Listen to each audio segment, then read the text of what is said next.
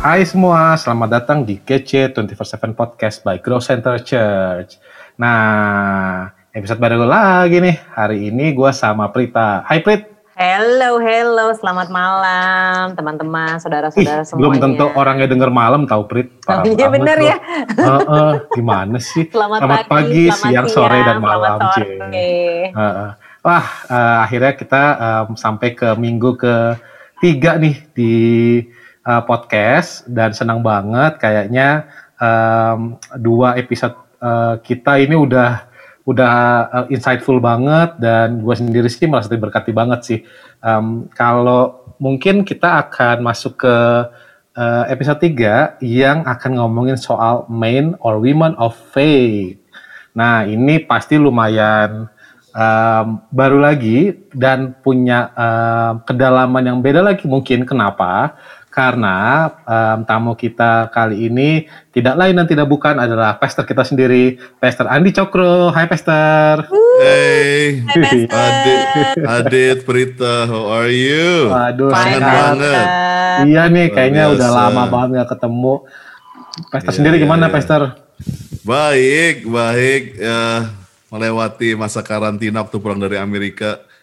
Ya. Hmm. Tapi saya, by the way, lihat Prita, saya baru ternyata kamu pernah keribu rambutnya. ya. waktu waktu di di TV swasta itu. saya Waduh. tahu. Masanya, Pastor, pada And masanya. that, that's you. Alright, cool, cool. Gimana gimana nih hari ini? Wah, ini seru banget nih, Pastor Andi, karena kita mau ngomongin soal, karena tahun ini mungkin em, udah pada tahu semua, kita tahun ini ngomongin integrity, em, akan banyak banget hal yang mungkin em, kalau aku pribadi ngerasa em, baru di bulan Februari ini udah banyak banget apa ya eh, tantangan-tantangan, apalagi mungkin karena dunianya online juga, em, jadi kayak misalkan em, tantangan yang bikin kita harus kayak mempertahankan integriti kita. Gitu di mana orang lain mungkin nggak ngelihat. Kalau dulu mungkin kayak masih masuk kantor ketemu orang Yeah, that's gitu-gitu. Nah mungkin ini uh, kita akan masuk ke uh, faith nih, Pastor Andy. Um, Yeah. Satu hal yang kalau aku pribadi uh, mungkin um, kita bukan ngomongin um, lebih dalam soal iman kekristenan, tapi kita pengen dengerin nih saat uh, semua orang nggak ngeliat, saat keadaan mungkin apalagi sekarang banyak yang mungkin ngalamin kesulitan gitu. Uh, kadang-kadang iman atau kita uh, percaya sama Tuhan tuh jadi uh, apa ya namanya ya tipis gitu. Kita kadang-kadang nih bener nggak sini Tuhan jagain? Bener nggak sini um, apa janji Tuhan tuh ya dan amin? Nah um, mungkin kita akan mulai dulu nih pertanyaan Eh, pertanyaan pertama itu adalah um, menurut Pastor Andi um, soal iman. Gitu. Um, seberapa besar um, apa ya uh, kita sebagai orang percaya itu harusnya menempatkan iman di uh, tengah-tengah kehidupan kita di dalam misalnya integritas kita sebagai orang percaya. Gimana sih posisinya Pastor Andi? Well, the Bible said, Alkitab berkata iman itu dasar dari segala sesuatu.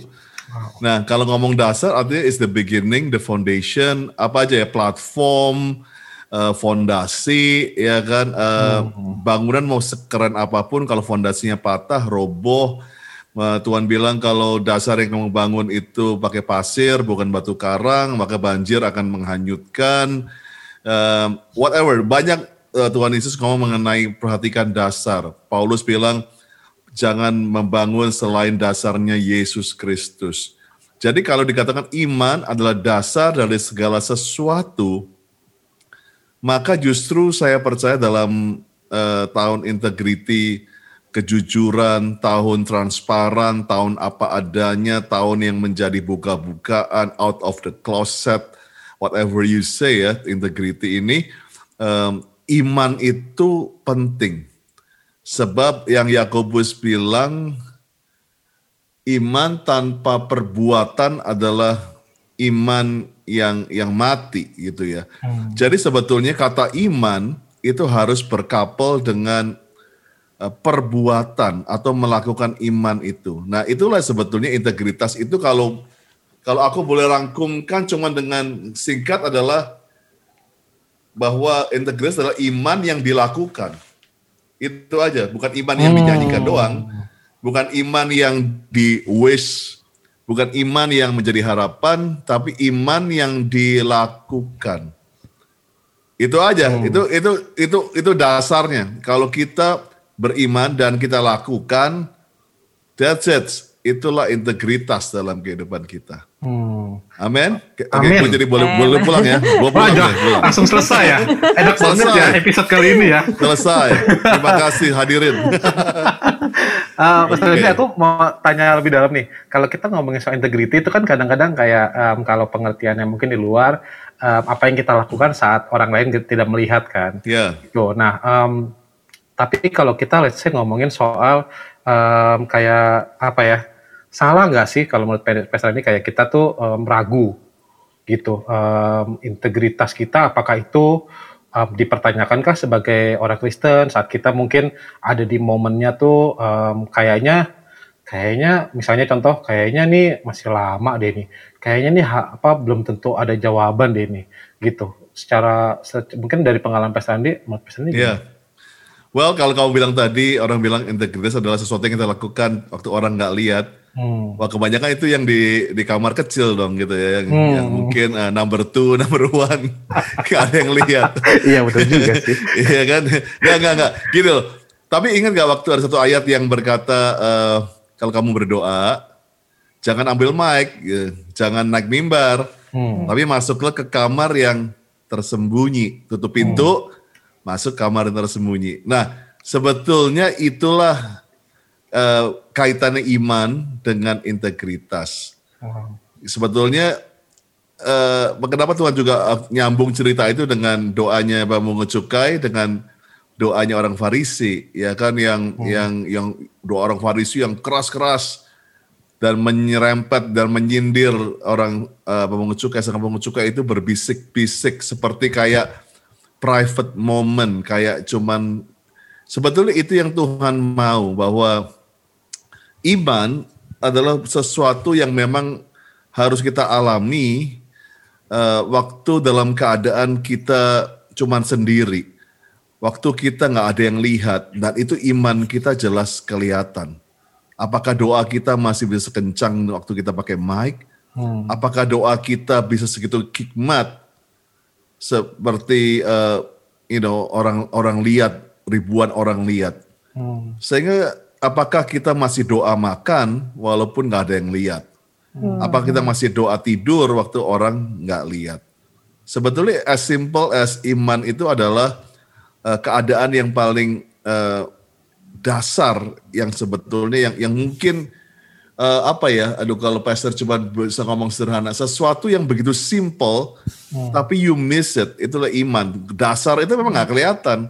Hmm. Orang lebih suka uh, bahwa hasil dari iman memindahkan gunung. Orang fokusnya mindahin gunungnya.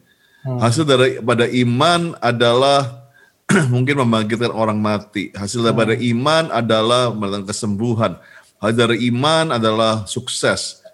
Orang lebih fokusnya ke situ, tapi orang miss imannya gitu loh. Hmm. Bahwa iman itu memang hari-hari ini sedang diuji. Hmm. Dan bukan lagi rahasia Prita sama Adit ya. hari-hari ini orang kehilangan iman. Hmm. Karena mereka pikir iman itu adalah sesuatu rasa apa ya? Mungkin merinding, rasa kayak bisa nangis, hmm. rasa kayak Tuhan itu menjamah. Padahal uh, iman adalah bukti sesuatu yang belum kelihatan belum di, dicium oleh panca indera kita, belum hmm. bisa diraba. Hmm. Tapi itu udah ada. Itulah iman sebetulnya. Jadi kita nggak bisa mengharapkan ada sesuatu lagi yang menghasilkan iman. Hmm. Ngerti nggak maksud saya? Kita sering kali kita pikir, eh pastor give me something supaya gue punya iman. Hmm. Padahal iman adalah dasar dari segala sesuatu. Pada orang bilang, ayo doakan saya supaya saya punya iman. Padahal iman itu harus muncul dari diri kita. Hmm. Iman itu adalah keputusan kita. Dasar dari segala sesuatu yang kita harapkan. Ya, uh, saya suka banget Matius 5 ayat 36, ayat 37. Jika ya, hendak katakan ya. Jika tidak, hendak kamu katakan tidak. Jadi, itu harus jelas sekali iman kepercayaan kita. Gitu ya kalau iya benar-benar katakan iya. Kalau enggak, ya katakan tidak. Hmm. Karena yang yang di luar itu berasal dari si jahat.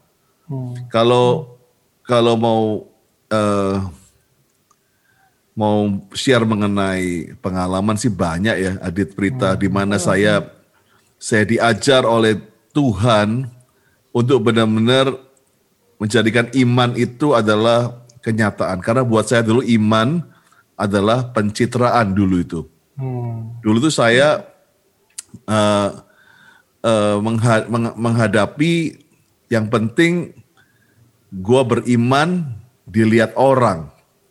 Gue hmm. dilihat bisa sembayang, gue bisa lihat hidup kudus, tapi perbuatannya benar-benar di luar iman yang gue berkatakan. Sehingga yang saya katakan tadi, saya pernah dalam satu masa, saya bisa di panggung bilang beriman, tapi saya bisa ke tempat-tempat mesum di, di saat di minggu yang sama. Hmm. Karena saya anggap waktu itu iman adalah sesuatu demonstrasi. Hmm. Sesuatu yang perlu gue lihat, yang gue jaga di depan orang. Hmm. That's it. Asal orang bisa lihat gue beriman, I'm safe. Hmm. Tanpa saya dulu hmm. tahu banyak ayat-ayat kan, bukan orang yang beriman, bukan maafnya, bukan bukan orang yang yang yang bernubuat, bukan orang apa, tapi orang-orang yang yang the realnya. Hmm. Ya, orang yang mengikuti kehendak Tuhan.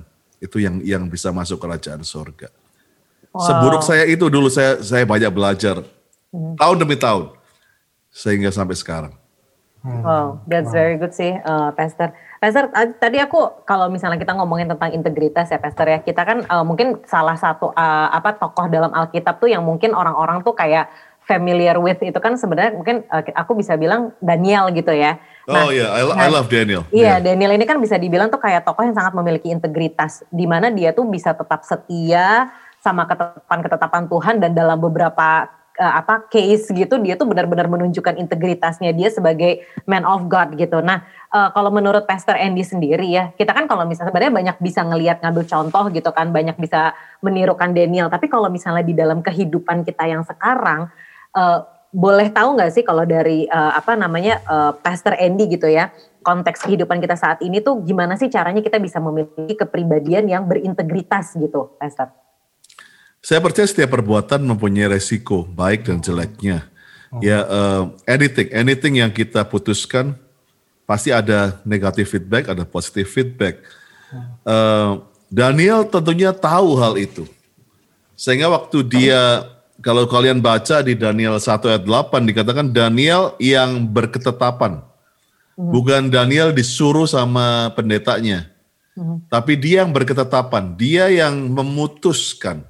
Integrity adalah waktu kita berani memutuskan sesuatu yang kita katakan iya, katakan iya. Sesuatu yang kita tahu tidak, kita berani katakan tidak, itu harus dari diri kita.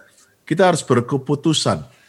Nah, saya percaya di sini Daniel sebetulnya kalau hitung-hitungan matematikanya dia waktu dia berketetapan tidak menajiskan dirinya itu lebih banyak negatif feedback ya sebetulnya hmm. di tengah-tengah Babel yang sangat pleasure center yang sangat menikmati Babel melambangkan dunia yang menambah entertainment segala sesuatu yang entertain the king dia bilang I don't want it hmm. saya percaya itu kalau oh. dihitung matematikanya, dia pasti tahu resikonya. Tapi saya percaya di situlah iman daripada uh, Daniel itu dibangun. Kalau kalian baca beberapa ayat sebelumnya dikatakan mereka itu adalah orang-orang muda yang gak ada celah, yang berperawakan baik, yang punya banyak kepintaran, berpengetahuan banyak, ilmunya hebat, cakap bekerja, whatever. Tapi mereka itu yang paling penting, mereka kenal Tuhan mereka. Jadi mereka memang orang-orang yang pinter, tetapi akhirnya mereka bilang kami menetapkan, berkeputusan, tidak mau menajiskan diri kami. Dan tanpa dia tahu dia akan sepuluh kali lebih cerdas loh. Karena itu ayatnya terjadi setelahnya. Setelah 10 hari dilewat, diuji, mereka lebih sehat, mereka lebih cerdas tanpa mereka tahu itunya.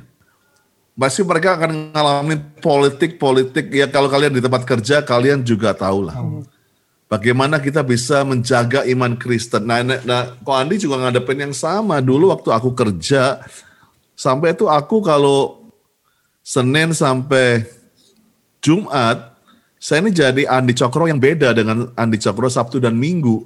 Hmm. Karena apa? Eh, di dunia bisnis yang saya tahu waktu itu, bahwa seorang Andi yang seorang eh, CEO, saya harus kalau orang masuk ke ruang kerja saya, orang itu harus nangis. Hmm. Bukan nangis jamaah Tuhan, nangis ketakutan gitu saya harus buat satu atmosfer, orang masuk ke kantor saya itu udah kalah, apa ya, kalah aura gitu ya. Hmm. Itu memang bisa katakan, you have to be uh, uh, punya agresif di situ. Kalau nggak gebrak meja, kalau nggak buat anak buah itu ketakutan atau marah atau you do, kalau kamu nggak bisa membunuh saingan kamu, kamu nggak bisa, pokoknya kamu kalau bisnis, kalau kamu terlalu baik, itu saya udah disuntikin. Ya, kalau hmm. kamu bisnis, kamu jadi orang baik, kamu jadi ini makanya begitu saya aktif di gereja, semua udah bilang lo nggak bakalan sukses. Hmm. Jadi seorang, nah itu yang saya lawan waktu salahnya saya, saya nggak baca Daniel lebih detail gitu loh. Saya hmm. bilang gue mau sukses dulu nih, tapi dengan caranya Babel. Hmm. Sehingga saya lupa ada nama integritas itu iman yang dilakukan.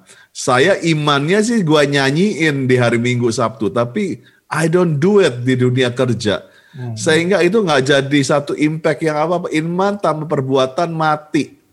Jadi waktu itu saya nggak kedapetin apa-apa dari impact iman saya karena yang saya nggak lakukan. Hmm. Ya, saya berlakuan yang bertolak belakang bahkan. Waktu ada orang-orang customer yang uh, waktu itu mereka bilang, ayo kita ke karaoke. Semua langsung bilang, rekan-rekan kerja saya, oh namanya Andi Cokro nggak mungkin berani ke karaoke, kan dia pendeta. Nah di situ saya justru salahnya saya, saya bukannya berketetapan untuk tidak menajiskan diri saya. Saya justru lawan, oh siapa bilang gue nggak bisa. Hmm. Nah, begitu kita iman dan perbuatan itu nggak sinkron, yaitu kita nggak berintegritas sebetulnya. Wow, nah, okay. langsung iman saya nggak punya power, iman saya mati.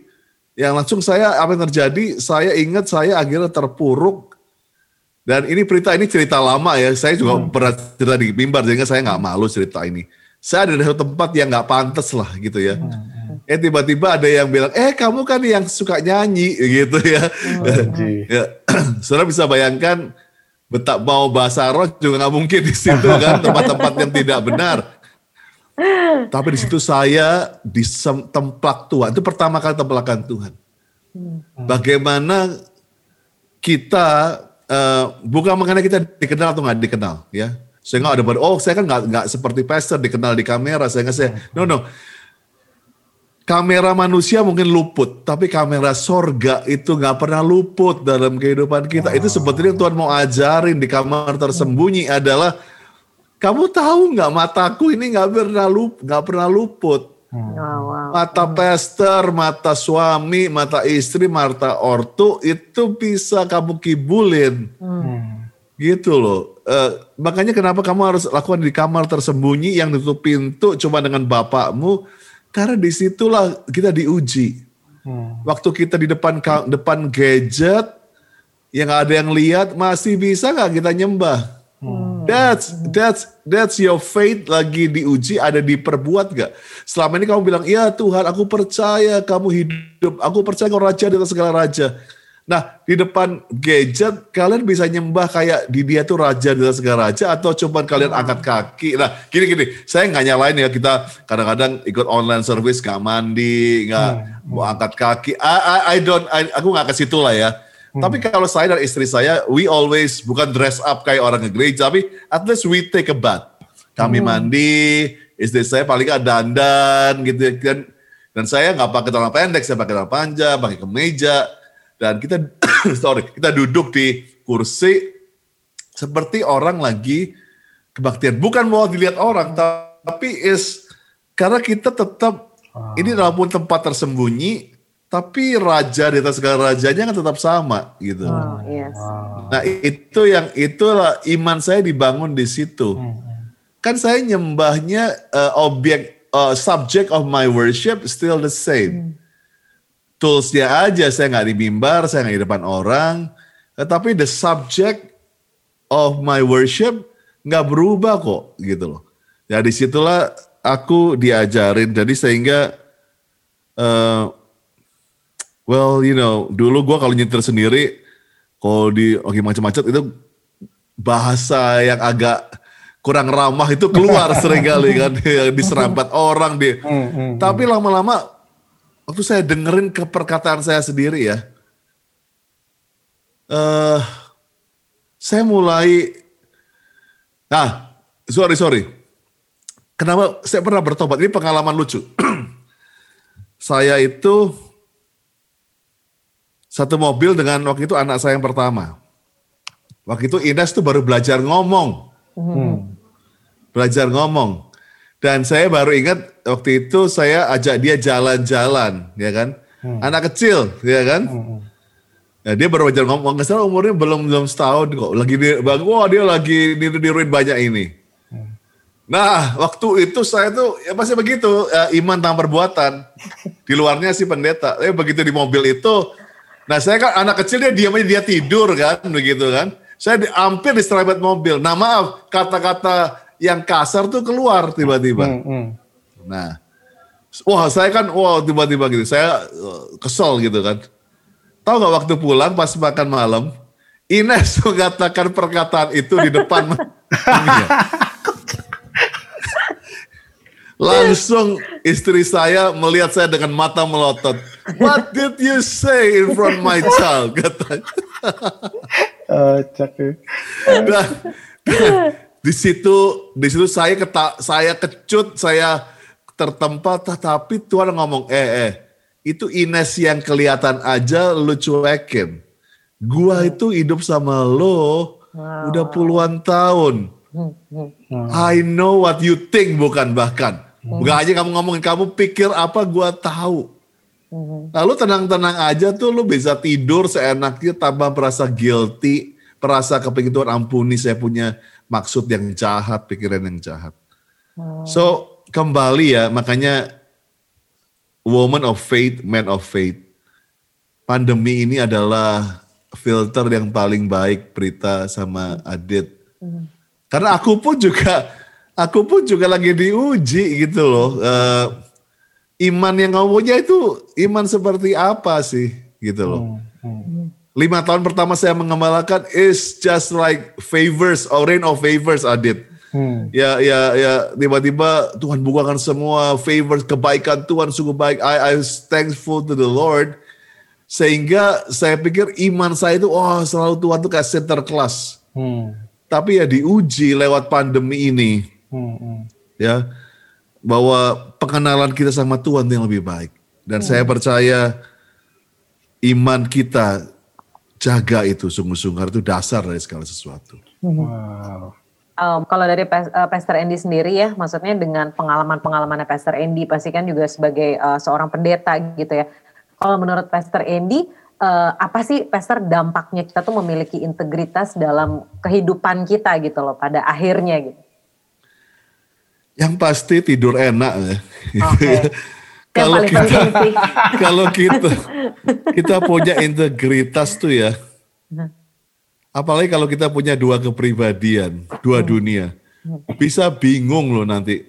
Jangan-jangan pas kamu lagi di dunia yang A, kamu ngomong B gitu. Karena saking udah kamu bingung kamu ini lagi berdiri di mana. Kalau kamu punya integritas, nah itu makanya Tuhan pernah ngajar saya dengan satu mimpi yang saya pernah khotbahin. Yaitu saya tuh kayak dibangun apa jahit tirai. Tuhan bilang, tapi setiap kali mau tirai mau selesai, robek lagi, robek lagi. Tuh Tuhan tanya, kamu lagi ngapain? Tuhan saya mau bedain nih, ini dunia pelayanan, dunia kerja. Tuhan bilang nggak bisa. Pekerjaanmu adalah pelayananmu. Dan pelayananmu itu adalah pekerjaanmu. Kamu nggak bisa buat dua dunia yang beda. Itulah integritas.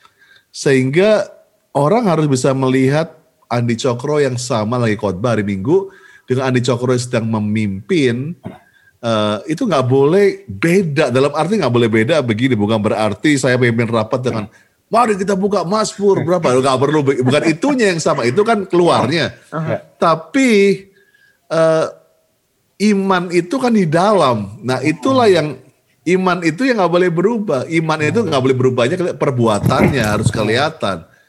Waktu kita berbuat, oh misalnya oh di hotel gitu kan, uh, yang lain turun-turun ke bar, kamu kok nggak berani nggak dia bilang enggak?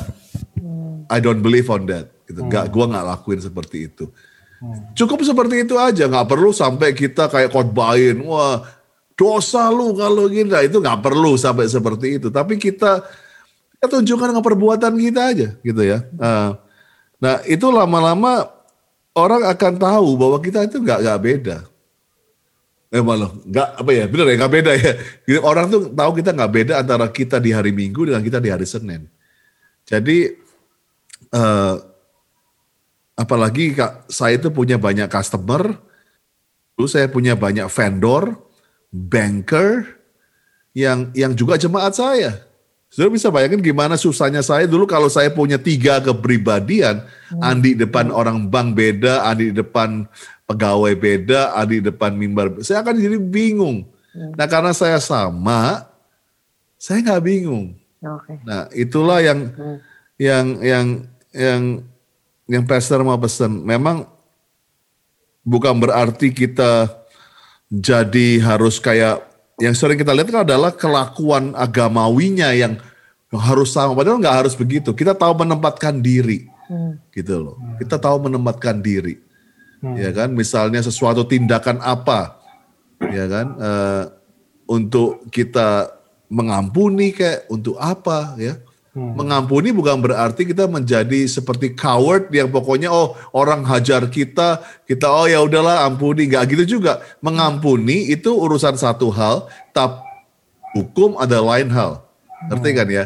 Nah ini sering kali orang Kristen, oh lu nggak punya integritas, kata mengasihi musuhmu, lu buktinya lu nuntut juga loh.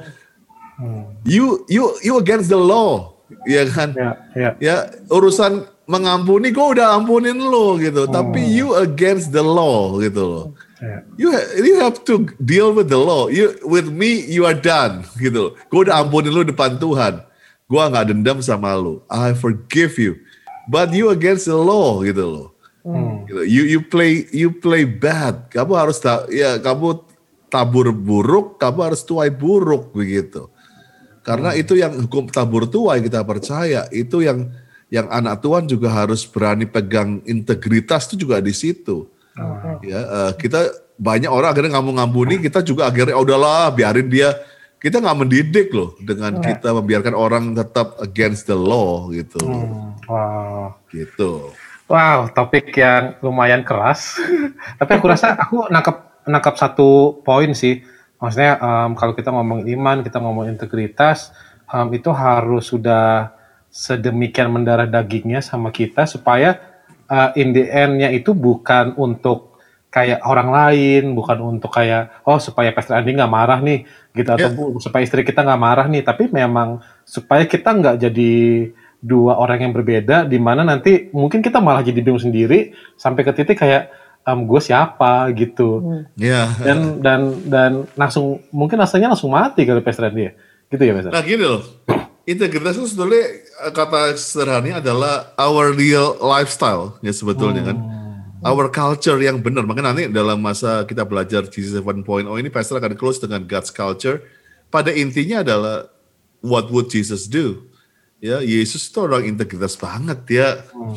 Dia nggak nutup-nutupin, dia lapar dia bilang lapar, dia dia dia marah ya dia marah, dia bolak-balikin itu uh, bukan berarti orang punya integritas gak punya marah loh. Dia bisa bolak-balikin itu meja, dia bisa hardik itu Petrus ya kan. Hmm. Tapi kan yang Tuhan bilang salahnya kita kalau kita marah sampai matahari terbenam gitu loh. Ya, ya, ya. Marah itu nggak salah gitu loh, tapi ya, ya. marah yang berkepanjangan, marah yang lebih porsi itu yang salah sebetulnya.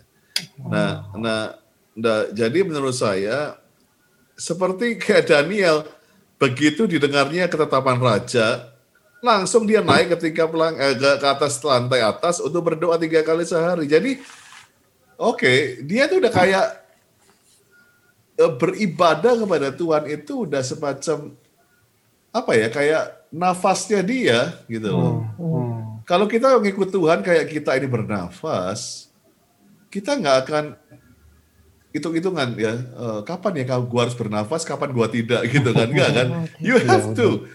jadi nafas hidup kayak kita nafas hidup kita itu adalah iman dan doa kita. Bahkan Tuhan bilang iman nggak perbuatan tuh mati sama aja you you wasting your time bro. Kayak itu Tuhan bilang begitu percuma gitu loh karena nggak ada nggak ada nggak ada hasilnya. Makanya uh, tadi yang kayak Adit bilang harusnya as simple as menjaga iman kita itu adalah uh, hal yang dasar hmm. yang harus kita jaga sungguh-sungguh. Wow. Nah, nah, ya Pastor juga tahu, makanya yang dalam masa-masa COVID ini, pandemi ini yang paling dihajar, yang fondasinya. Nah, yaitu hmm. bahkan Tuhan bilang, waktu angin ribut datang, di situlah baru kelihatan hmm. dasarnya itu apa, gitu. Hmm. Nah, inilah ya Pastor bukannya Uh, Pastor bukannya berarti uh, berbahagia dengan orang-orang yang jatuh iman, tapi justru ini tugas kita untuk sebagai gereja, sebagai hamba Tuhan. Bukan hanya gather people, hmm. tetapi uh, mempersiapkan mereka ya jadi umat yang layak itu artinya jadi umat yang oke okay luar dalam, hmm. bukan hanya luarnya aja oke, okay. bukan hmm. hanya setiap minggu aja ke gereja, Bukan hmm. hanya nyanyinya aja kayak malaikat. Hmm. Tapi waktu di rumah dengan cuman orang-orang yang dia tahu, apakah anaknya masih bisa bilang amin yang sama gitu loh. Hmm. Ya. Apakah istrinya masih bisa setuju yang sama dengan apa yang orang luar lihat. Hmm. Itu loh, itu yang pastor harapkan. Wow. Semua kita belajar ya, ya. jadi orang yang apa adanya gitu. Oh, ya. Mungkin aku juga ini kali ya, aku nggak terbantu banget sih memang saat kita punya komunitas kali. Integritas yeah. kita dijaga hmm. gitu. Tadi eh, lebih mudah lah gitu. Ada eh, maksudnya mungkin dari lingkungan terdekat aja kalau kebetulan aku belum berkeluarga jadi nggak ada istri yang marahin gitu kan. Kalau tadi kan pas tadi ada yang marahin kan gitu. Nah um, jadi mungkin dimulai dengan cari komunitas kali buat teman-teman yang rasa um, mau belajar jadi punya hidup yang berintegritas supaya nggak jadi um, apa kepribadian ganda aku rasa komunitas bisa banget ngebantu kali ya, yeah. gitu ya. Uh, itu sih apa yang aku tangkap banget dan itu bagus banget sih. Um, kalau kita lo ada yang ini nggak, yang lo tangkap khusus buat di hati lo hari ini? Uh, aku sih tertampar banget sih semuanya sih dari tadi dengerin. aku banyak banget didengerin, eh, maksudnya bukan didengerin, maksudnya diingetin tentang ya tadi gitu. Maksudnya kita tuh ternyata memang harus setia pada perkara-perkara kecil ya gitu yang kita nggak hmm. dari awal tadi pastor tentang ngomong tentang makan sebelum uh, eh, berdoa sebelum makan. Maksudnya hal-hal kayak gitu kadang-kadang tuh luput gitu. Kita menganggap kayak tadi kayak mandi apa pada saat kita mau ibadah online. Iya sih aku tuh kayak diingetin wow iya ya gitu. Kadang-kadang kita tuh miss banget sama hal-hal seperti itu. Tahu sih tapi kadang-kadang kayak melakukan pembiaran kecil-kecil kecil-kecil lama-lama tuh jadi besar dan ya itu tadi keluar akhirnya dari integritas kita sebagai emang anak-anak Tuhan. Jadi wow thank you so much Pastor, aku sangat diberkatin banget sih. thank you Pastor. Tapi gini ya, tapi kembali itu jangan dijadikan liturgi. Saya hmm. pernah waktu itu memang nggak uh, mandi ikut kebaktian online karena saya lagi di time zone yang beda. Apa hmm. saya merasa guilty? Ya enggak, ya hmm. ya kan. Hmm. Tapi waktu dalam keadaan normal, saya kepingin kayak membuat gini loh. Saya bilang kan, saya mendisiplinkan diri saya sendiri. Artinya gini, I'm honoring God with do this. Tapi kalau sampai gini loh, kita emang nggak sempet karena jamnya harus bangun pagi-pagi untuk hmm. ikut online atau mungkin ada sesuatu hal Tuhan yang nggak nggak langsung marah dan iya. menendang yeah. kita enggak. Yeah. Tapi itu kan sebetulnya sikap kita aja. Yeah. Wow. To honor honor God. Honor God, iya benar sih. Kalau wow. kita percuma juga kita mandi tapi hati kita setiap lihat ah bohong lu Tuhan bohong lu sama aja. tapi kalau di situ ngeliatin handphone. Uh, iya, ini sama aja. Tapi ya lebih baik kita maaf lo gak sikat gigi yeah. tapi kita nangis Tuhan kok baik. Yeah, nah itu yeah, itu juga lebih aneh yeah. gitu. Jadi ingat ya, jadi itu cuma salah satu cara saya gitu artinya. Wow. Oke, ini bagus banget sih dan yes. um, sayang banget waktu kita nggak gitu banyak, tapi aku rasa banyak banget apa ya ini ini bahkan um, daging yang mungkin kita bisa makan pelan-pelan, enjoy, um, karena yes. um, ini bukan hal yang langsung ditelan kali ya Randy ya. Mungkin perlu banyak didengar dan um, Iya, satu hal iya. ini perjalanan. Aku ngerasa ini kayak proses kita sebagai manusia nggak sih Agree. untuk Iya. jadi semakin sempurna Yes. integritas kita, kita punya iman juga semakin dijaga gitu. Ya semoga um, episode kali ini bisa jadi um, apa ya reminder juga mungkin buat orang-orang yang udah sering dengar, tapi mungkin buat yang baru pertama kali ngedengar um, yang makanan agak keras kayak gini, aku rasa yuk mulai coba kayak tadi Pas Rani bilang uh, latih diri gitu, karena memang nggak ada cara lain sih gitu untuk honor God dengan melatih diri kita Iya. gitu. Jadi Yes. thank you banget Pas Randi uh, ini Sama-sama. sangat bagus banget sih buat Yes, kita semua aku. Thank you. Pastor, thank you so much. Prita. Ya. Thank you. Sekian dari kita untuk episode minggu ini. See you minggu depan. Dah semua. Bye.